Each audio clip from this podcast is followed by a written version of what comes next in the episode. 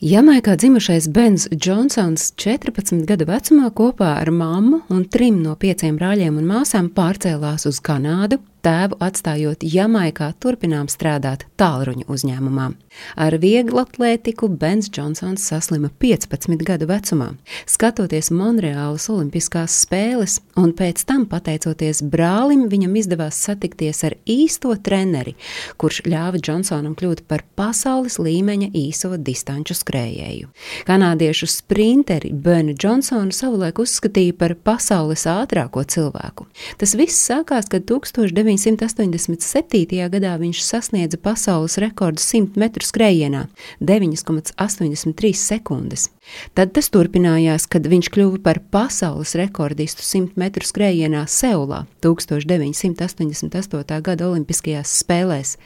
Toreiz 100 metru fināla skrējiens notika 24. septembrī. Stadionā pirms fināla spriedze bija pamatīga.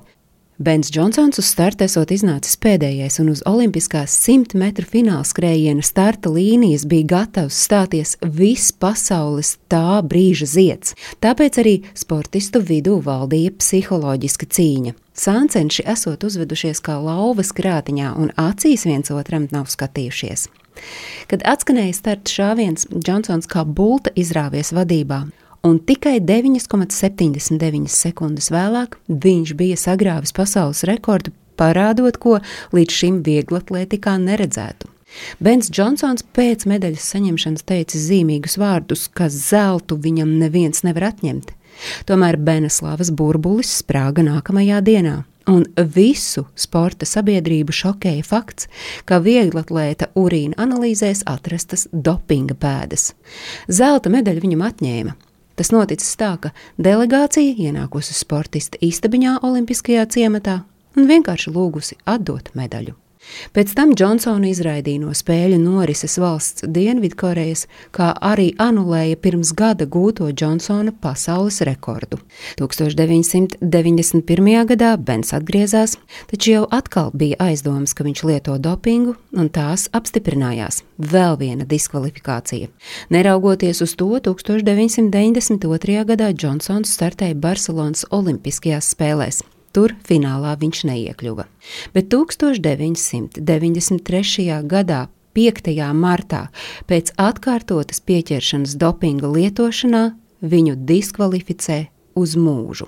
Sacensībās Beļģijā viņu jau atkal pieķēra dopinga lietošanā.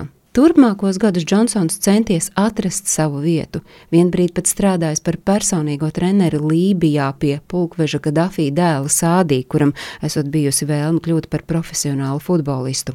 Džonsons joprojām nav samierinājies ar diskvalifikāciju Seulas olimpiādē, jo to viņš sauc par netaisnīgu izturēšanos, norādot, ka iespējams viņš kritis par upuri, aizsargājot citus, kuri lietojuši tieši tos pašus medikamentus. Un vēl viena no viņa versijām bijusi tāda, ka viņš upurēts konkurējošo apavu sponsoru strīda dēļ. Stāstīja Agnese Drunka.